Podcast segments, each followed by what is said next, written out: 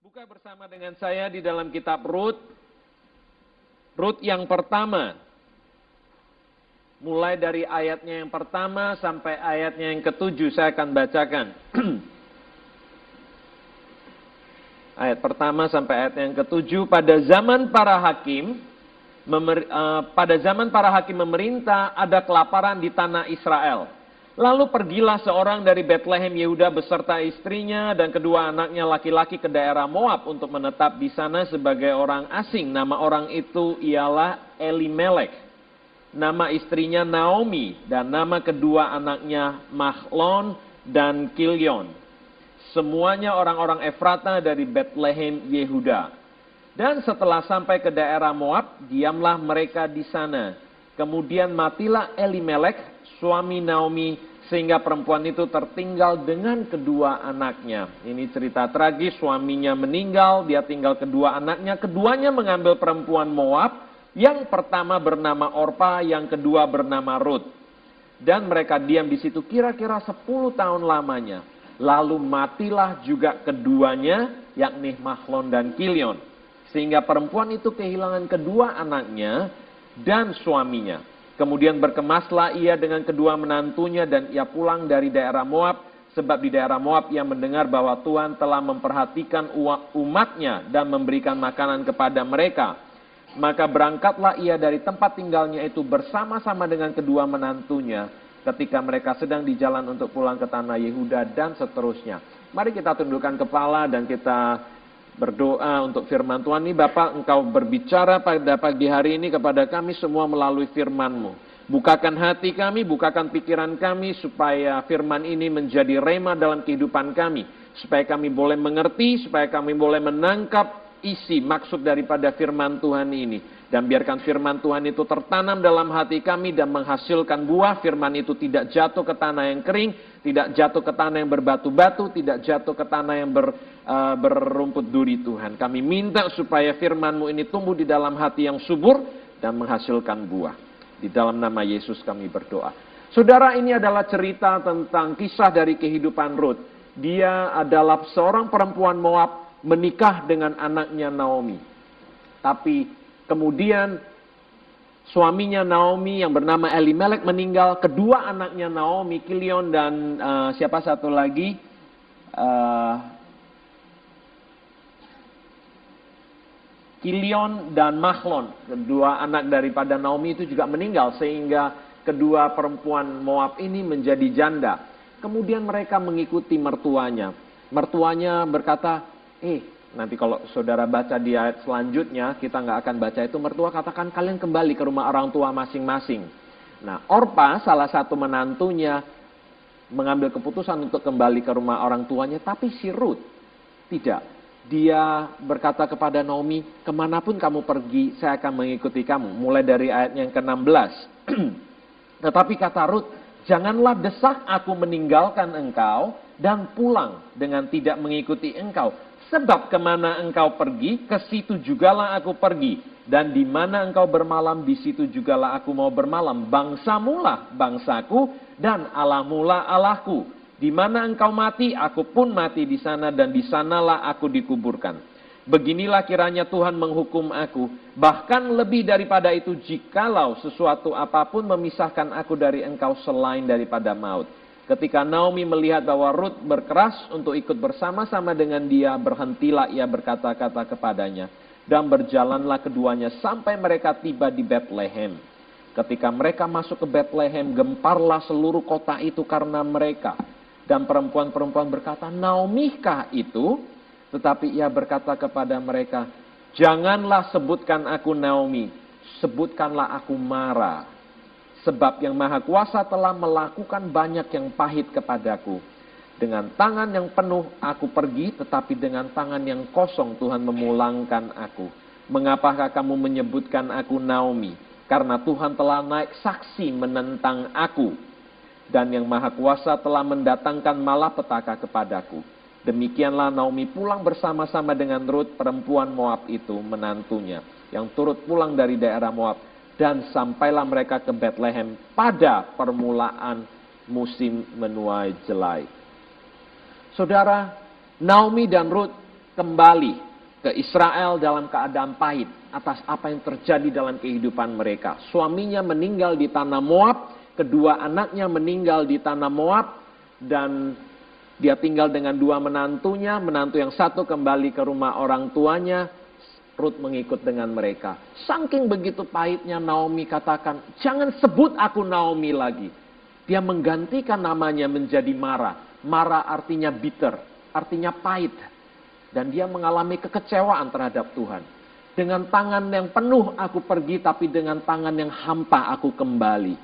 Dan Tuhan telah naik saksi menentang aku, kata Naomi. Berapa banyak orang-orang Kristen yang sering berkata seperti itu. Apakah Tuhan masih di pihak saya? Kenapa saya harus mengalami masalah demi masalah? Sama seperti Naomi. Pahit hatinya. Tuhan telah naik saksi menentang aku, katanya. Saudara, di mana kehidupan kita saat ini? Apakah ketika kita mengalami tantangan dalam kehidupan, kesulitan di dalam kehidupan kita berkata seperti Naomi, kita komplain di hadapan Tuhan, Tuhan, di manakah engkau? Apa yang engkau lakukan dalam hidupku? Terus kita ganti nama menjadi pahit, menjadi apa namanya jadi amarah, menjadi benci. Ada yang ganti nama seperti itu? Saudara Naomi melakukan itu, dia menggantikan namanya marah. Marah beneran dia. Artinya bitter dalam bahasa Ibrani. Saudara, tanpa Naomi sadari, rencana Tuhan belum berakhir dalam hidupnya. Dia mengira kehidupan dia berakhir dengan tragis. Dia pergi ke daerah Moab, penuh dengan semua harta bendanya, pulang dalam keadaan kosong, dia mengira that's it. Masa depan saya sudah hancur, masa depan saya tidak ada lagi. Padahal dia tidak tahu bahwa sebentar lagi Tuhan akan segera merubah hidupnya.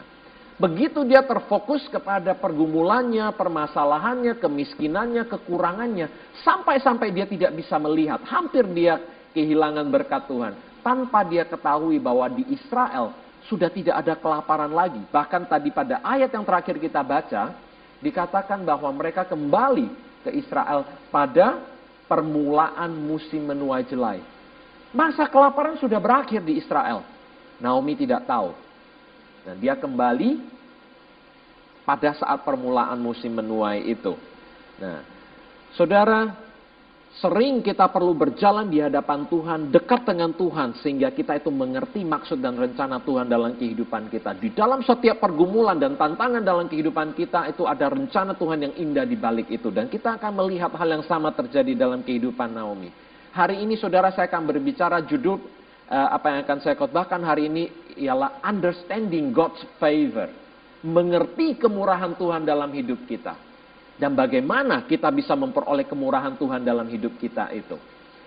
Saudara, sering ketika kita mengalami berkat Tuhan dalam kehidupan kita ataupun orang-orang dunia khususnya, saya tahu orang Kristen khususnya di jemaat ini tidak ada yang berkata demikian, tapi orang-orang dunia khususnya ketika dia mengalami berkat, katanya apa? Hoki. Wah, gue lagi hoki nih. Wah, gue lagi beruntung. Ah, mungkin ini kebetulan saja. Tapi kita percaya sebagai orang Kristen, kita tidak percaya dengan kata yang kebetulan, kita tidak percaya dengan kata beruntung. Dan kalau kita baca kitab Rut yang cuma hanya ada empat pasal ini, kita tidak bisa katakan bahwa apa yang terjadi dalam kehidupan Rut itu adalah sesuatu yang kebetulan. Nanti kita akan lihat maksud saya apa. Saudara, ada yang Tuhan rencanakan dalam kehidupan kita. Perkara-perkara besar yang tidak kita lihat saat ini. Tapi kalau kita mau melihat dengan mata iman, campur tangan Tuhan itu nyata dalam kehidupan kita. Saudara, kita akan lihat sebuah ilustrasi. Saya akan bawakan ini ilustrasi apa yang terjadi pada tahun 1858. 1858 ini sebagai ilustrasi untuk mengatakan bahwa tidak ada yang terjadi secara kebetulan. Tuhan sudah merencanakan itu dalam kehidupan kita. Pada tahun 15, 1858, eh, seorang Sunday School teacher yang bernama Kimball membawa salah seorang murid Sunday Schoolnya mengenal Tuhan. Dan muridnya ini bernama D.L. Moody. Sebagian saudara pernah dengar yang akhirnya menjadi seorang evangelis besar. Pada tahun 1879, ini hampir 20 tahun setelah D.L. Moody menerima Tuhan, dia berkhotbah di England Dan seorang pendeta bernama F.B. Mayer, hatinya terbakar oleh khotbahnya di El Moody. Kemudian F.B. Mayer berkhotbah di sebuah American College yang mana salah seorang murid dari American College itu akhirnya bertobat dan menerima Tuhan bernama Wilbur Chapman. Ini berapa puluh tahun kemudian. Wilbur Chapman terlibat di dalam YMCA. Dia hire seorang yang bernama Billy Sunday. Terlibat di dalam evangelistic ministry-nya dia. Di dalam evangelistic ministry ini, dia terjadi revival di kota Charlotte, North Carolina. Dan dari revival itu ada 30 bisnismen yang menyerahkan hidupnya kepada Tuhan. Dari 30 bisnismen ini, mereka mengambil satu komitmen, satu keputusan untuk berdoa bagi kota Charlotte terus. Dan salah satu pemimpin dari bisnismen ini yang bernama Vernon Peterson, dia katakan kepada teman-teman bisnismen, ayo kita kumpul setiap hari kita berdoa untuk kota Charlotte ini. Kumpul di mana? Nah pada waktu itu orang-orang yang ke gereja di kota Charlotte itu masih dalam keadaan yang dingin. Mereka sewa sebuah farm, sebuah ini, ladang, dan menyewa ladang ini bernama Franklin Graham. Dan mereka mengundang seorang pembicara, anaknya Franklin Graham terima Tuhan di situ. Dan kita tahu nama anaknya Franklin Graham itu siapa? Billy Graham. Dan sampai pada hari ini kita tahu Billy Graham adalah salah seorang penginjil besar. Saudara, dimulai berentet dari tahun 1858 sampai sekarang ini. Bisakah kita berkata bahwa ini terjadi semua karena kebetulan? Apakah memang sudah direncanakan oleh Tuhan? Saudara, tidak ada yang kebetulan.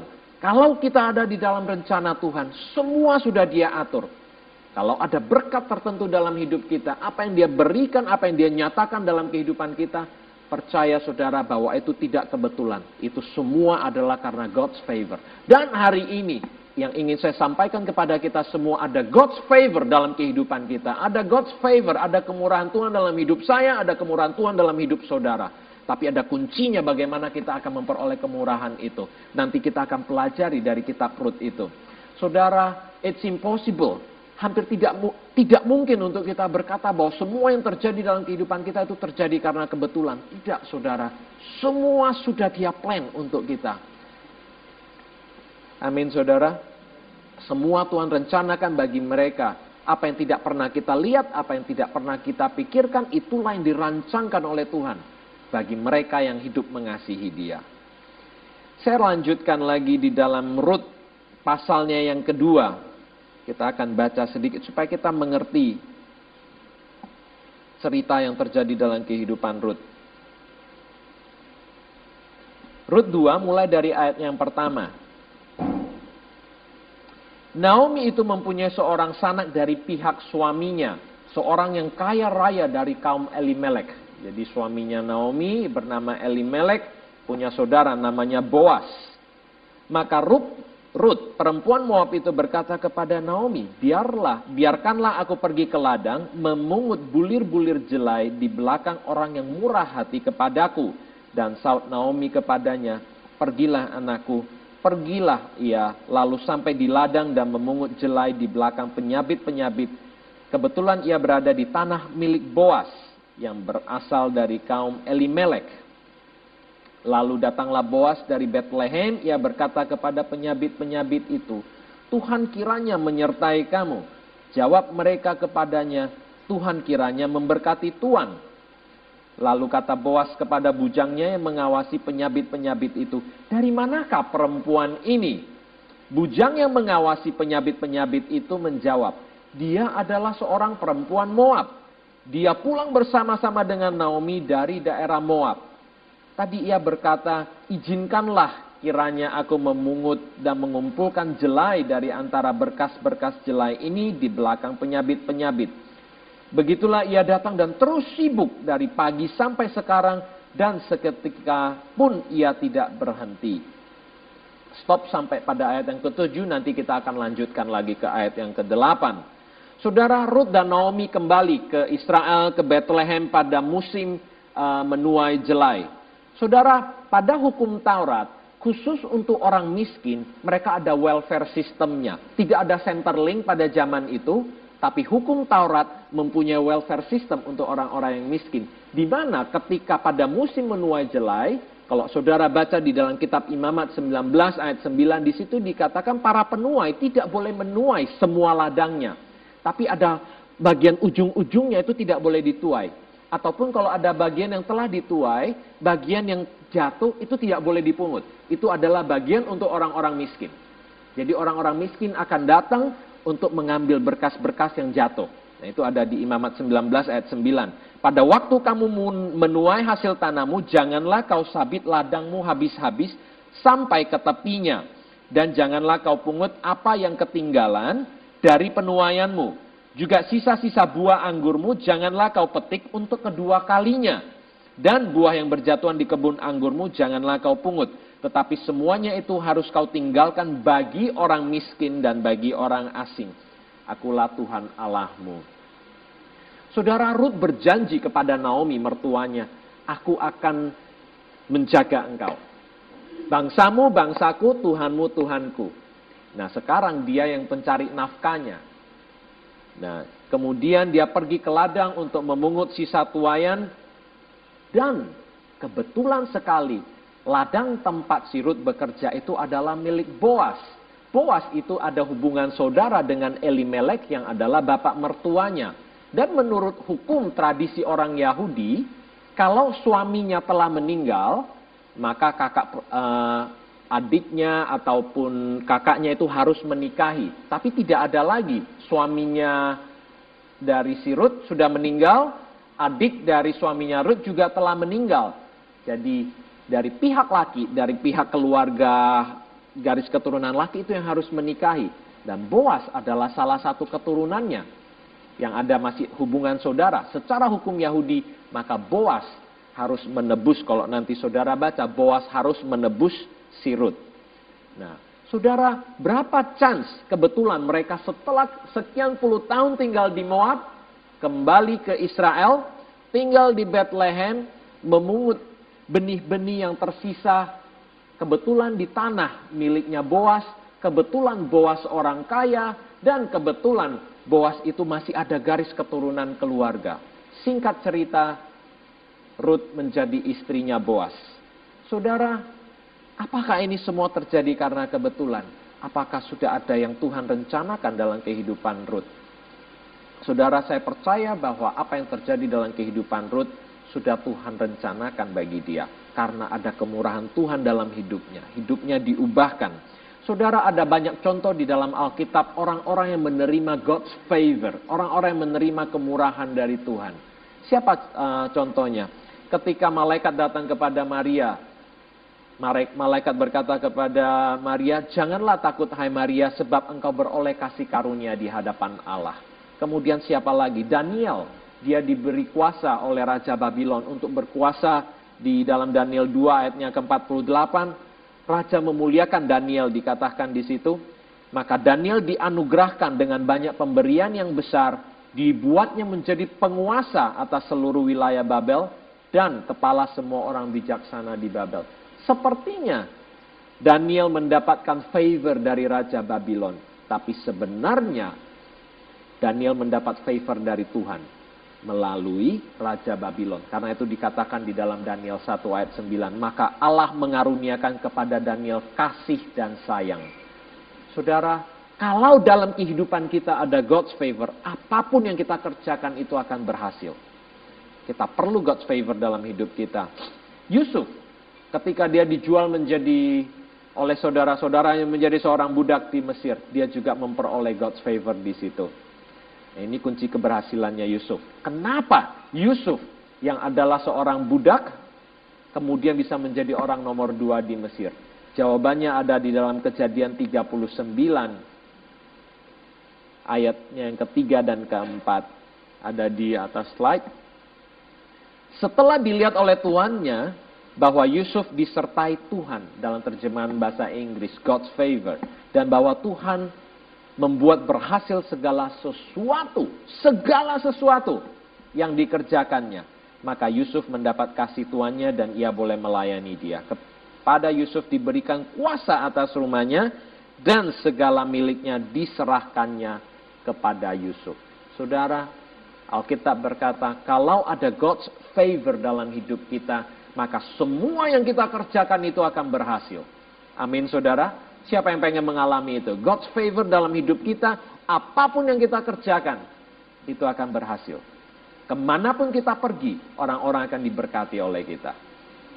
Nah, saudara, dan ketika Yesus memulai ministrinya, dia mengatakan, aku datang untuk memproklamasikan, I come to proclaim the year of the Lord's favor. Itu ada di dalam Lukas 4 ayat ke-18 sampai ayat ke-19. Saudara bisa baca sendiri tapi ada ayatnya kalau saudara mau mencatatnya.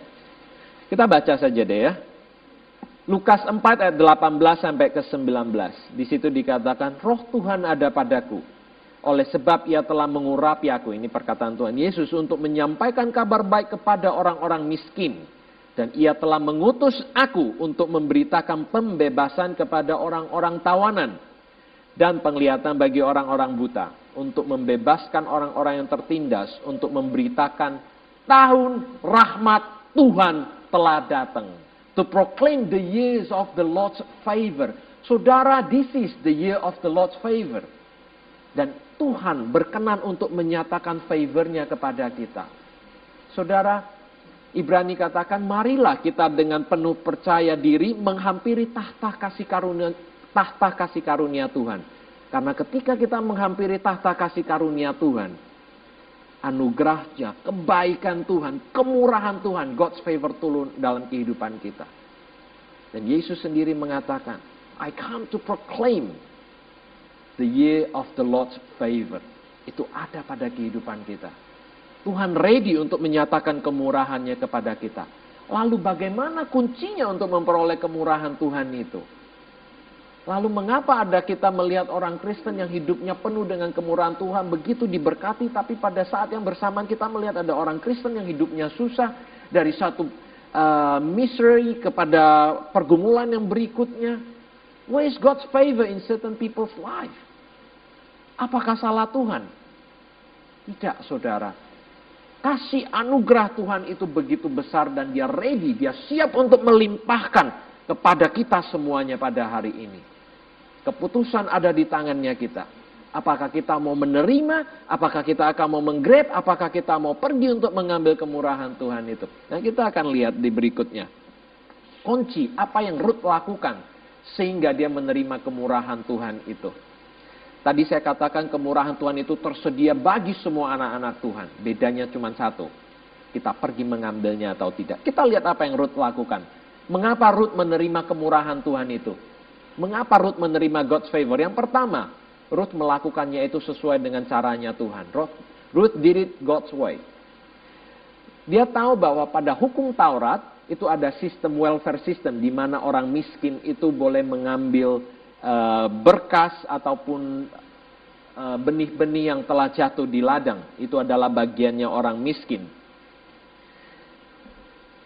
Ada dua tipe orang miskin pada waktu itu. Yang satu miskin karena keadaan, seperti Naomi dan Ruth. Tapi ada orang yang miskin karena malas untuk bekerja. Nah, untuk orang yang malas bekerja, welfare system pada zaman Yahudi itu tidak bekerja, tidak berfungsi untuk mereka. Orang yang cuma ongkang-ongkang kaki duduk di rumah, itu tidak akan mendapat bagian. Kenapa? Hukum Taurat mengatakan, kalau Anda adalah orang miskin yang sedang butuh, itu harus pergi ke ladang dan memungutnya sendiri. Padahal bisa saja hukum Taurat berkata, oke, okay, untuk orang-orang miskin, ibu-ibu, ataupun orang yang ini tinggal tunggu duduk di rumah, setelah para penuai selesai menuai semuanya, mereka akan datang delivery, ketok pintu rumah, Bapak Ibu ini ada satu kantong benih buat Bapak, tinggal duduk, tunggu di rumah. Tidak saudara, tapi hukum Taurat berkata harus pergi ke ladang memungut sendiri. Dan di situ kita melihat Ruth bekerja dikatakan tidak berhenti-berhenti. Dari pagi sampai sore. Tidak berhenti. Saudara, kalau kita mau menerima God's favor, kita tidak boleh bermalas-malasan. Dan kita harus melakukannya the God's way. Sama seperti Ruth melakukannya. Ruth tidak tinggal duduk diam merenungi nasibnya. Dia tidak komplain, dia tidak katakan kepada Naomi, ini gara-gara kamu Naomi membawa aku pulang ke Israel, membawa aku pulang ke Bethlehem dan ini yang aku harus lakukan. Dia tidak komplain sama sekali. Seandainya Yusuf tahu atau dia tinggal duduk merenungi nasibnya, apakah Yusuf akan menjadi orang nomor dua di Mesir? Tidak, saudara. Seandainya Nabi Nuh, dia tidak membangun kapal, apakah dia akan diselamatkan dari air bah itu? Dikatakan Nuh adalah orang yang menerima God's favor. Tapi seandainya Nuh tidak taat kepada Tuhan dan membangun kapal, apakah dia akan diselamatkan dari air bah? Mungkin tidak, saudara. Mengapa ada anak Tuhan yang diberkati, menerima kemurahan Tuhan, kenapa ada anak Tuhan yang tidak? Kuncinya di sini, saudara Are we doing it the God's way? Apakah kita melakukannya sesuai dengan caranya Tuhan? Apakah kita maunya shortcut, kita bermalas-malasan, dan menunggu bahwa Tuhan mengirim orang untuk membantu kita? Tidak, saudara. Ada bagian yang harus kita kerjakan. Kita Roma berkata, Tuhan ikut bekerja sama mendatangkan kebaikan bagi mereka yang mengasihi dia. Perhatikan kata ikut bekerja sama. Artinya kita bekerja, Tuhan bekerja. Kita tidak bekerja, Tuhan tidak bekerja.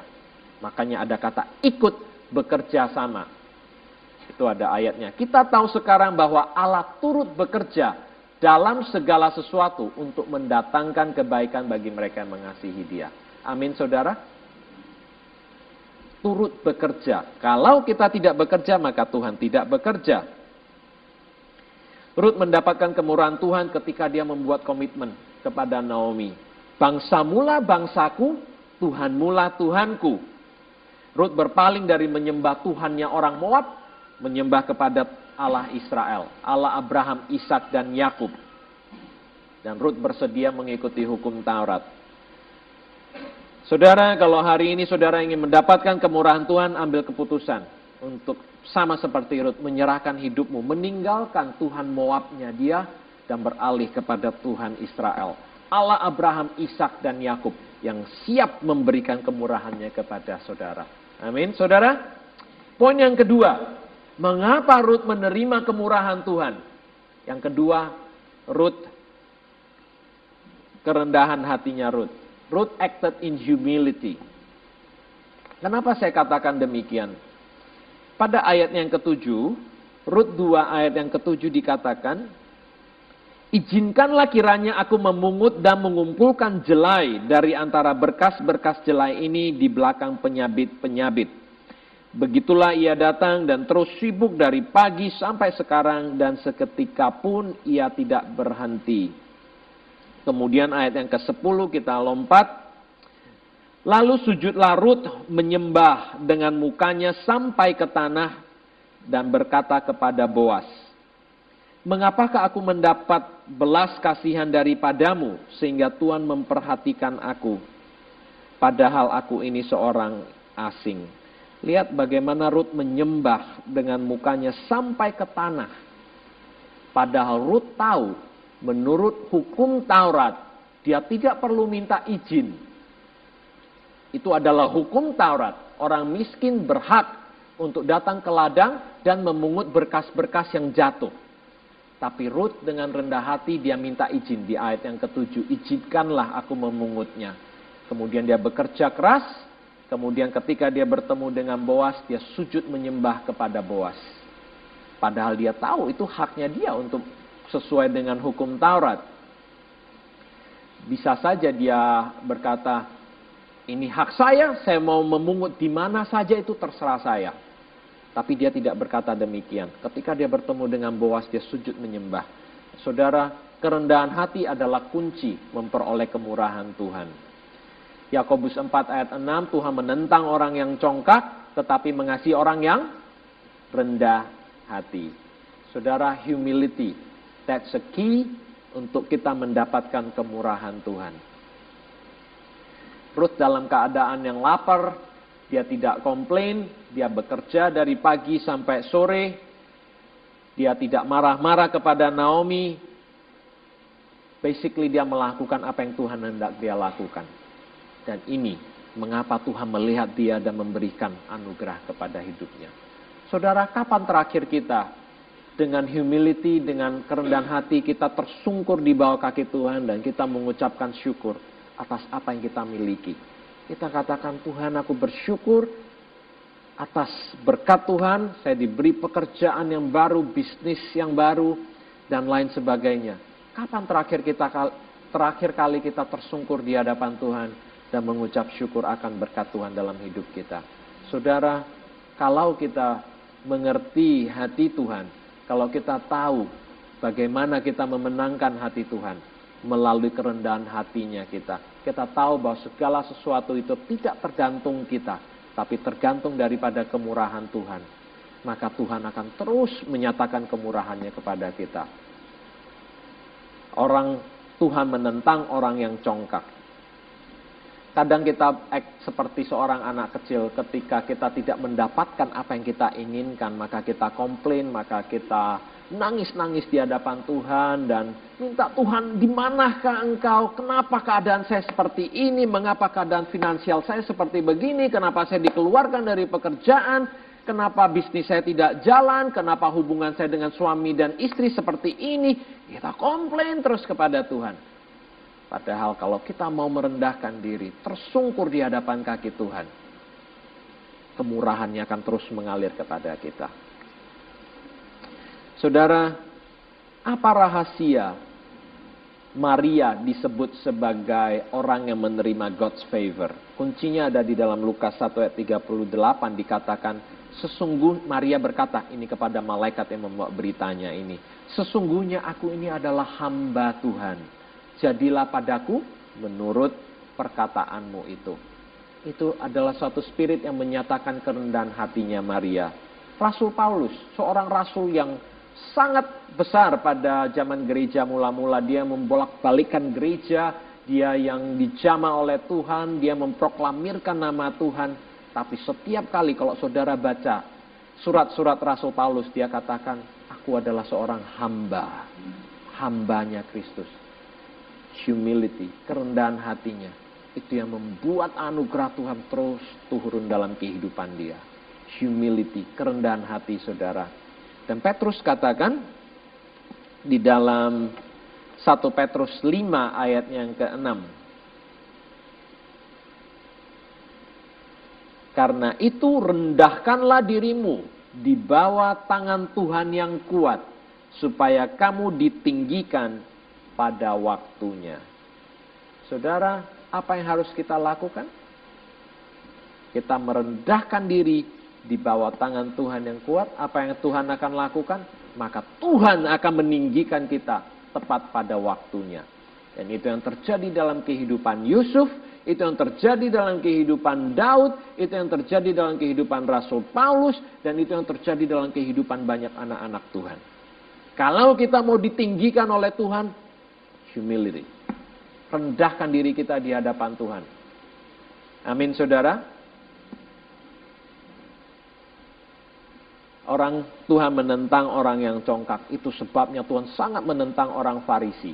Orang Farisi itu adalah orang yang sangat agamawi, orang yang sangat rohani, orang yang spiritual. Mereka selalu membanggakan diri tentang berpuasanya mereka, selalu membanggakan diri tentang perpuluhannya mereka, tapi di mata Tuhan, itu apa? Hipokrit, kata Alkitab. Itu adalah orang di orang Farisi diseumpamakan seperti kuburan dari luar kelihatannya putih, tapi di dalam penuh dengan tulang-tulang, penuh dengan kekotoran, penuh dengan kebusukan.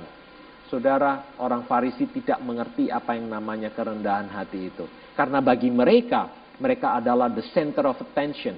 Tapi humility, kerendahan hati Bukan kita lagi senternya, tapi Tuhan is the center. Yesus itu adalah the focus. Jesus is the center. Amin saudara. Ada lagu itu Jesus be the center. Jesus be the center of my life. Jesus be the center of my life. Tahu lagu itu ya? Dari Israel Houston. Saudara, ini kunci untuk menerima anugerah Tuhan, kemurahan Tuhan, humility. Dan Ruth mendapatkan God's favor karena humility-nya dia, kerendahan hati. Kemudian yang ketiga apa? Ruth memiliki compassion. Kenapa saya katakan demikian? Compassion artinya orang yang memiliki rasa iba ataupun orang yang memiliki rasa uh, kasihan terhadap orang lain. Dia Ruth memiliki compassion terhadap mertuanya yang bernama Naomi. Di dalam Rut 2 ayat yang ke-11 kita bacakan.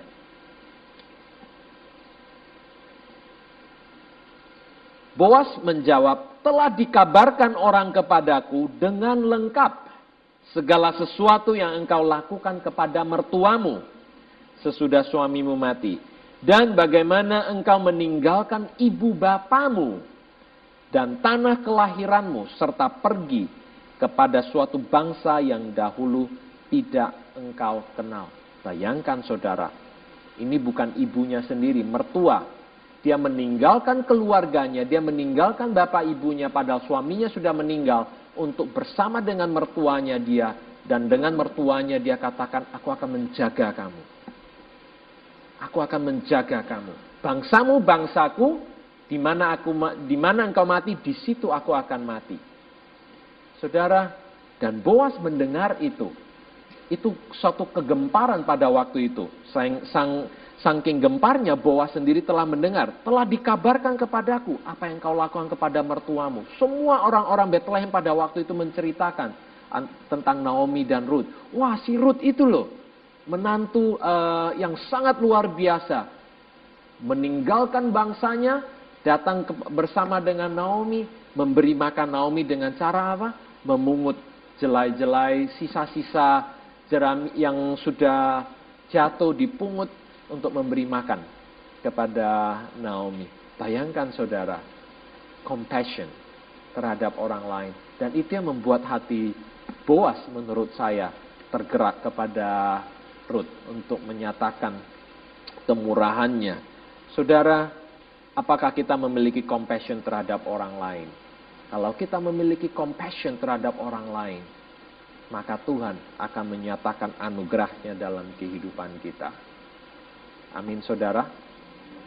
Saya ingat ada sebuah kesaksian.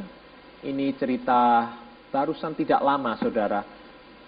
Ada seorang anak yang kami tahu dia kuliah di Brisbane tapi dia tidak sanggup membayar uang sekolahnya. Kami membantu dia dan sebisa kami karena jumlah hutang dia kepada university ini cukup besar. Dia adalah anak sponsor dari sebuah organisasi Kristen di Indonesia, tapi organisasi ini tidak sanggup membiayain dia lagi. Kemudian saya terlibat di dalamnya, eh, kami membantu organisasi ini, kami memberikan dana uang sekolah, tapi tetap tidak cukup karena jumlahnya cukup banyak. Sampai QUT akhirnya decide untuk mau cancel enrollmentnya dia. Dikasih pada tanggal bulan April tanggal 29 kemarin. Kalau tidak bayar maka enrollmentnya akan di cancel. Dia sudah sekolah dua setengah ini sudah semester yang terakhir. Kalau di cancel artinya semua sekolahnya itu uh, dianggap tidak ada apa-apanya jadi selama dua setengah tahun, tiga tahun ini dia sekolah akan dianggap void. Kemudian kami berdoa, kami sungguh-sungguh, kami minta kemurahan dari sekolahnya. Saya mewakili organisasinya, padahal saya bukan anggota organisasinya. Oh, ini organisasi yang ada di Indonesia. Saya katakan kepada Bapak Pendeta, ini organisasi Kristen. Pak Daniel, bagaimana kalau saya mewakili uh, Pak Daniel untuk ketemu dengan universitas ini, kita minta kemurahan Kemudian saya datang ke sekolahnya, bertemu dengan finance directornya, kemudian bertemu dengan uh, pimpinan-pimpinan dari QUT. Ada tiga orang yang interview, anak sekolah ini tidak ikut, saya pergi sendirian. Di dalam ruangan itu, saudara, ini pertama sekali, ini bukan saya yang hutang, ini organisasi ini yang hutang, anak sekolah yang hutang, dan di situ itu saya itu seperti di sidang, saudara saya dimarah-marahin. Ini uang sekolah dari sekian tahun tidak dibayar. Uh, ini menurut hukumnya, uh, menurut polisinya QUT, kalau sudah nunggak tiga bulan, itu anak ini sudah harusnya dikeluarkan. Anak ini sudah nunggak dua setengah tahun dengan cicilan-cicilan. Uh, total uang sekolahnya itu ada sekitar 70 ribu yang sudah terbayar itu sekian puluh ribu masih ada 40-an ribu yang belum terbayar. Saya dalam hati berpikir ya inilah kemurahan Tuhan. Ini kita masih terus mencari uh, kebaik, tapi orangnya marah-marah terus. Saya cuman ya we can only apologize. I know kita ini tanggung jawab kita, kita akan membayar uang sekolahnya dan lain sebagainya. Dia bilang hari ini kita akan cancel enrollmentnya anak ini sehingga dia harus pulang ke Indonesia. Saya cuma berdoa, Tuhan, ini kalau kehendakmu untuk anak ini sekolah di sini, ini sudah hampir selesai, jangan sampai hari ini di cancel. Dia udah siap untuk prepare cancellation ininya. Saya katakan, look, saya ini bukan yang hutang. Saya hari ini berdiri untuk membela anak ini. Saya datang untuk minta compassion dari QUT University. Organisasi yang mendukung anak ini saat ini dalam keadaan financial strife, tidak bisa membayar uang sekolahnya, dan saya ada 5.000 dolar, saya taruh di depan mejanya cash. Beri kemurahan kepada anak ini, supaya enrollmentnya tidak di cancel hari ini. Anak ini juga punya duit sedikit, dia punya 5.000 dolar, dia ada punya 5.200. 5.000 dia kasih, dia katakan kepada saya, Kak Carlos, saya ada 200 dolar sisa. Tapi ke kemarin di Indonesia ada teman yang membutuhkan duit. 200 ini saya kasih ke mereka ya, 5.000 saya saya taruh di sini. Saya bilang, Erik luar biasa apa yang kamu kerjakan, lakukan itu.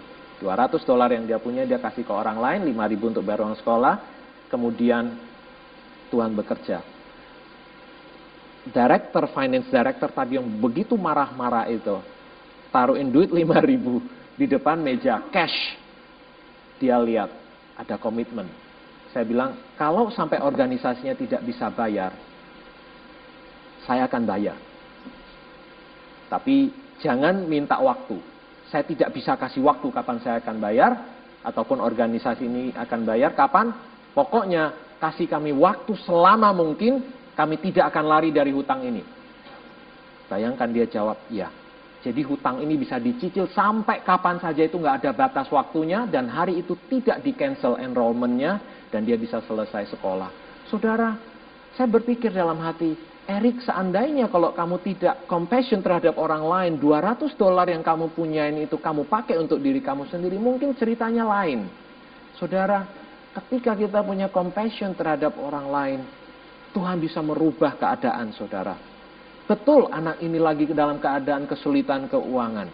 Betul 200 dolar mungkin berarti bagi dia.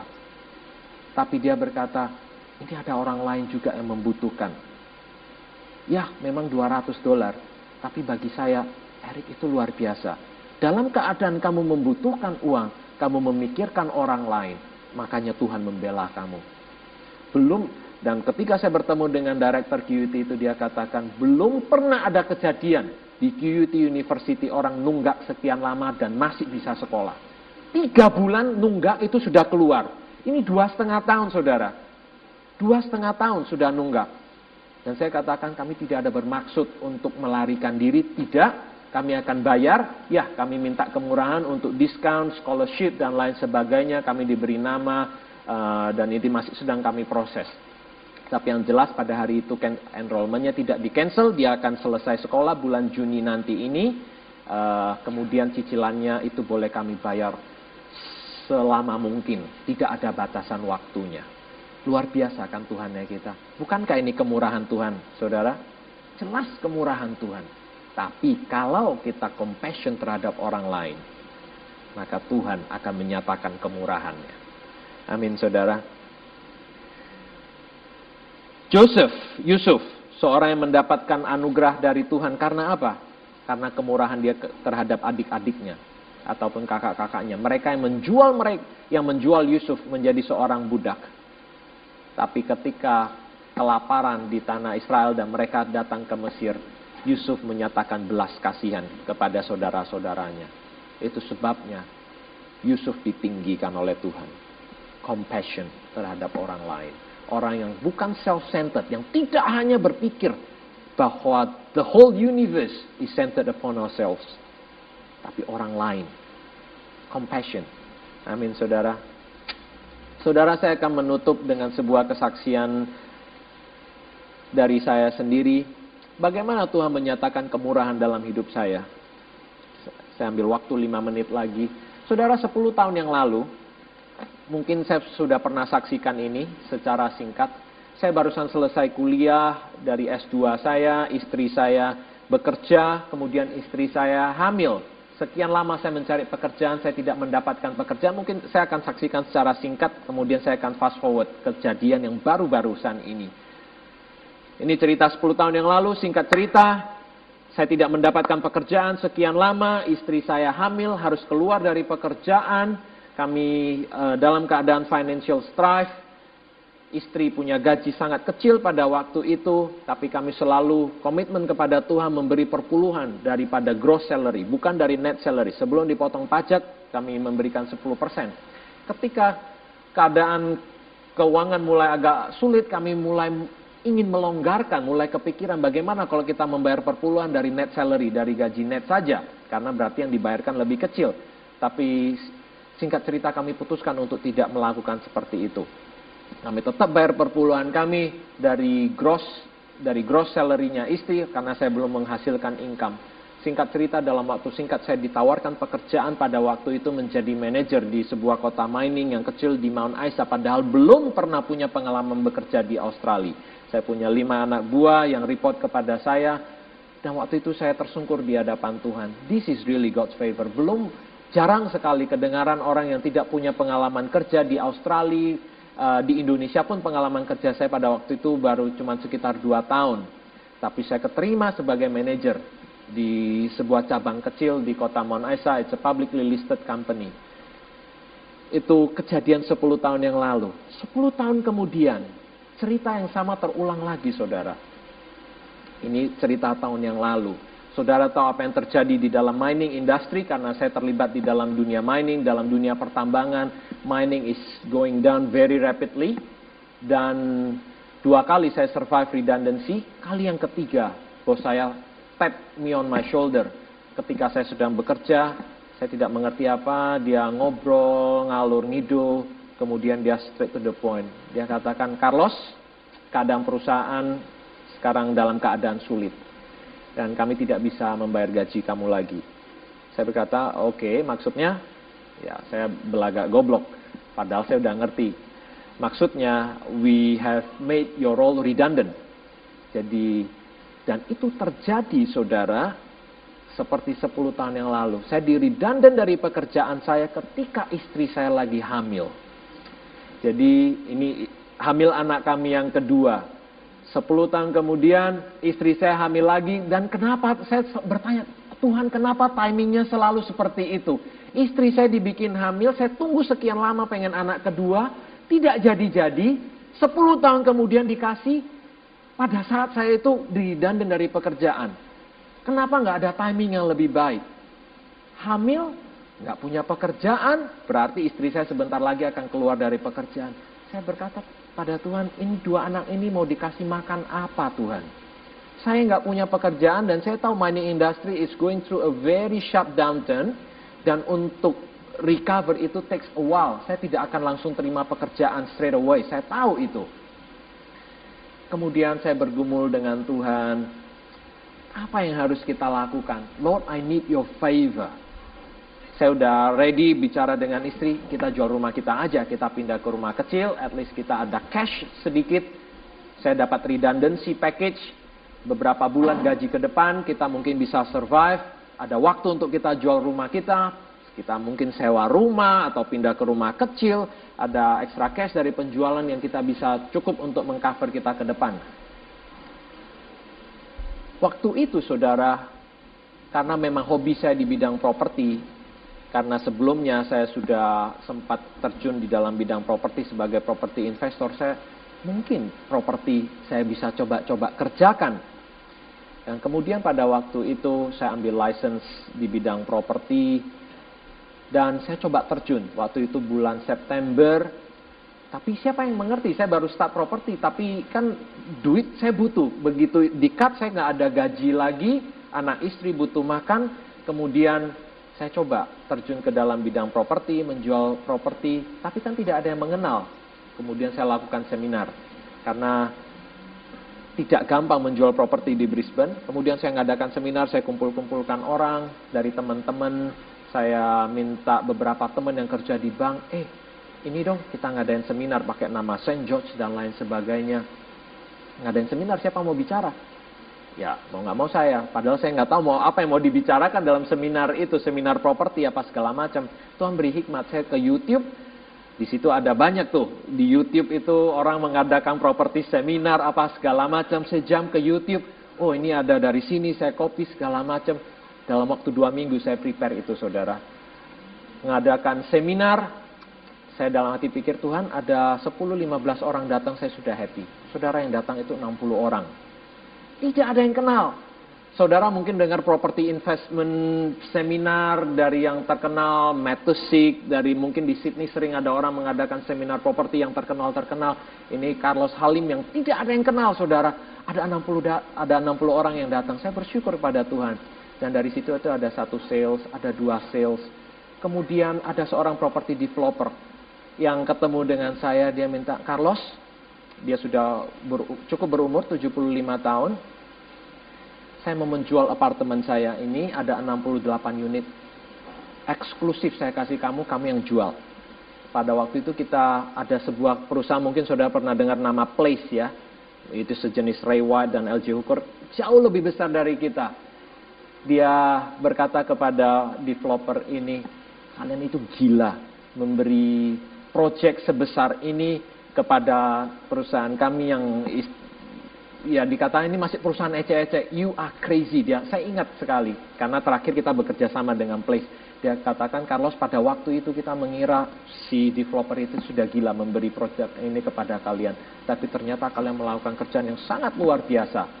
Saudara, God's favor di apartemen yang kami jual ini, suatu ketika ketika saya sedang bertanya kepada Tuhan, apakah saya harus terjun ke properti?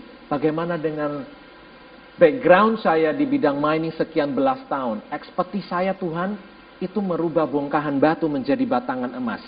Itu that's my expertise. Dan that's what I've been doing for the last 15 years. Sekarang saya disuruh untuk menjualan properti. Yes, I need it. I need the money untuk support my family. Dan saya lakukan itu. But should I be doing this forever? Saya nggak tahu. Dan Tuhan memberi satu tanda yang sangat luar biasa. Di apartemen yang tadi saya katakan. Kakek-kakek tua yang punya apartemen ini, yang memberikan kepada kami eksklusif listing ini, suatu kali ketika saya sedang membawa klien di spanduk apartemen ini, tiba-tiba ada tulisan, Jesus is the Lord. Saya lihat, saya amatin, wah siapa ini yang graffiti ini ya? Tulisan kapur di papan spanduknya itu, Jesus is the Lord. Ya, saya tidak terlalu menanggapinya. Saya mungkin, ya mungkin di sebelah sini ada orang gereja yang mungkin salah satu anaknya iseng graffiti tulis coret-coret Jesus is the Lord. Kemudian berapa hari kemudian hujan turun. Saya berpikir dalam hati, kalau hujan turun, kapur ini pasti akan hilang. Berapa hari kemudian saya datangin. Betul tulisan yang Jesus is the Lord itu pudar karena oleh hujan. Tapi di sebelahnya muncul satu tulisan lagi. Jesus is the Lord.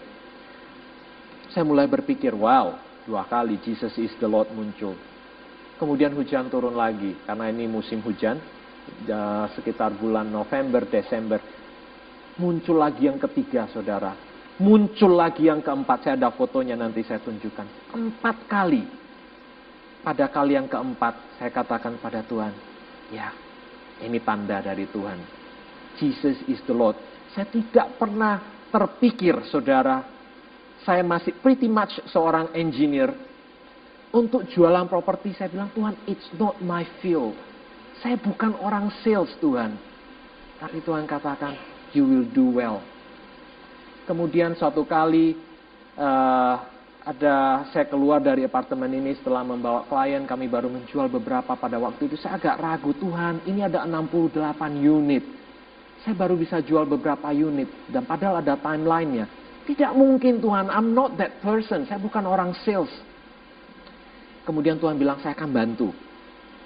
Caranya bagaimana saudara? Suatu kali waktu, saya jalan di tengah jalan, saya lihat ada seorang kakek dan nenek umur 60-an. Orang Asia, pakai topi, uh, kelihatan kusut, lesu, dan saling berbincang, bawa map dan lain sebagainya. Saya samperin. Dia, mereka berbahasa Mandarin, orang dari Taiwan.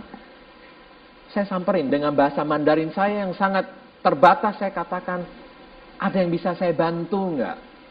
Kemudian dari situ saya tahu mereka hilang, mereka mau ke City katanya. Terus saya tanya, bagaimana mau ke City dari sini? Udah tahu belum? Dia bilang kami mau jalan. Saya bilang dari sini jalan kaki ke City itu lebih kurang ada 2-3 kilometer. Ya bisa jalan cuman jauh. Mau nggak naik ke mobil saya? Saya antarkan ke City. Kemudian bapak dan ibu ini berkata, oke okay, boleh. Kemudian mereka naik ke mobil saya tanpa ragu dan di dalam mobil itu kami berbincang-bincang dan dengan sedikit sign language karena mereka bisa Mandarin dan juga bisa bahasa Hokkien dan kebetulan saya bisa bahasa Hokkien sekalipun Hokkiennya agak berbeda. Kemudian kami berbicara mau ngapain ke City? Dia bilang kami sedang mencari apartemen. Saya bilang oh ya. Nah, kemudian saya memperkenalkan diri. Saya menjual apartemen juga. Saya seorang property agent. Saya baru membuka usaha saya sendiri.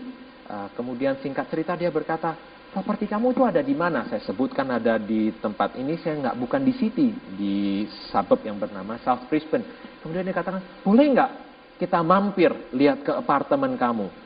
Uh, boleh, cuman ini apartemen of the plan, belum ada bangunannya, masih tanah kosong, bahkan belum tanah kosong, masih ada rumah tua yang masih harus dihancurkan. Dia bilang nggak apa-apa, kita datang aja, kita lihat aja lokasinya. Orangnya nggak ada tampang seorang investor, bukan tampang seorang pembeli rumah. Jadi singkat cerita saya bawa ke lokasi, saya tunjukkan ini lokasinya loh om. Dan dia minta floor plan apa segala saya tunjukkan apa adanya. Dan dalam waktu setengah jam saudara dia katakan saya mau beli ini.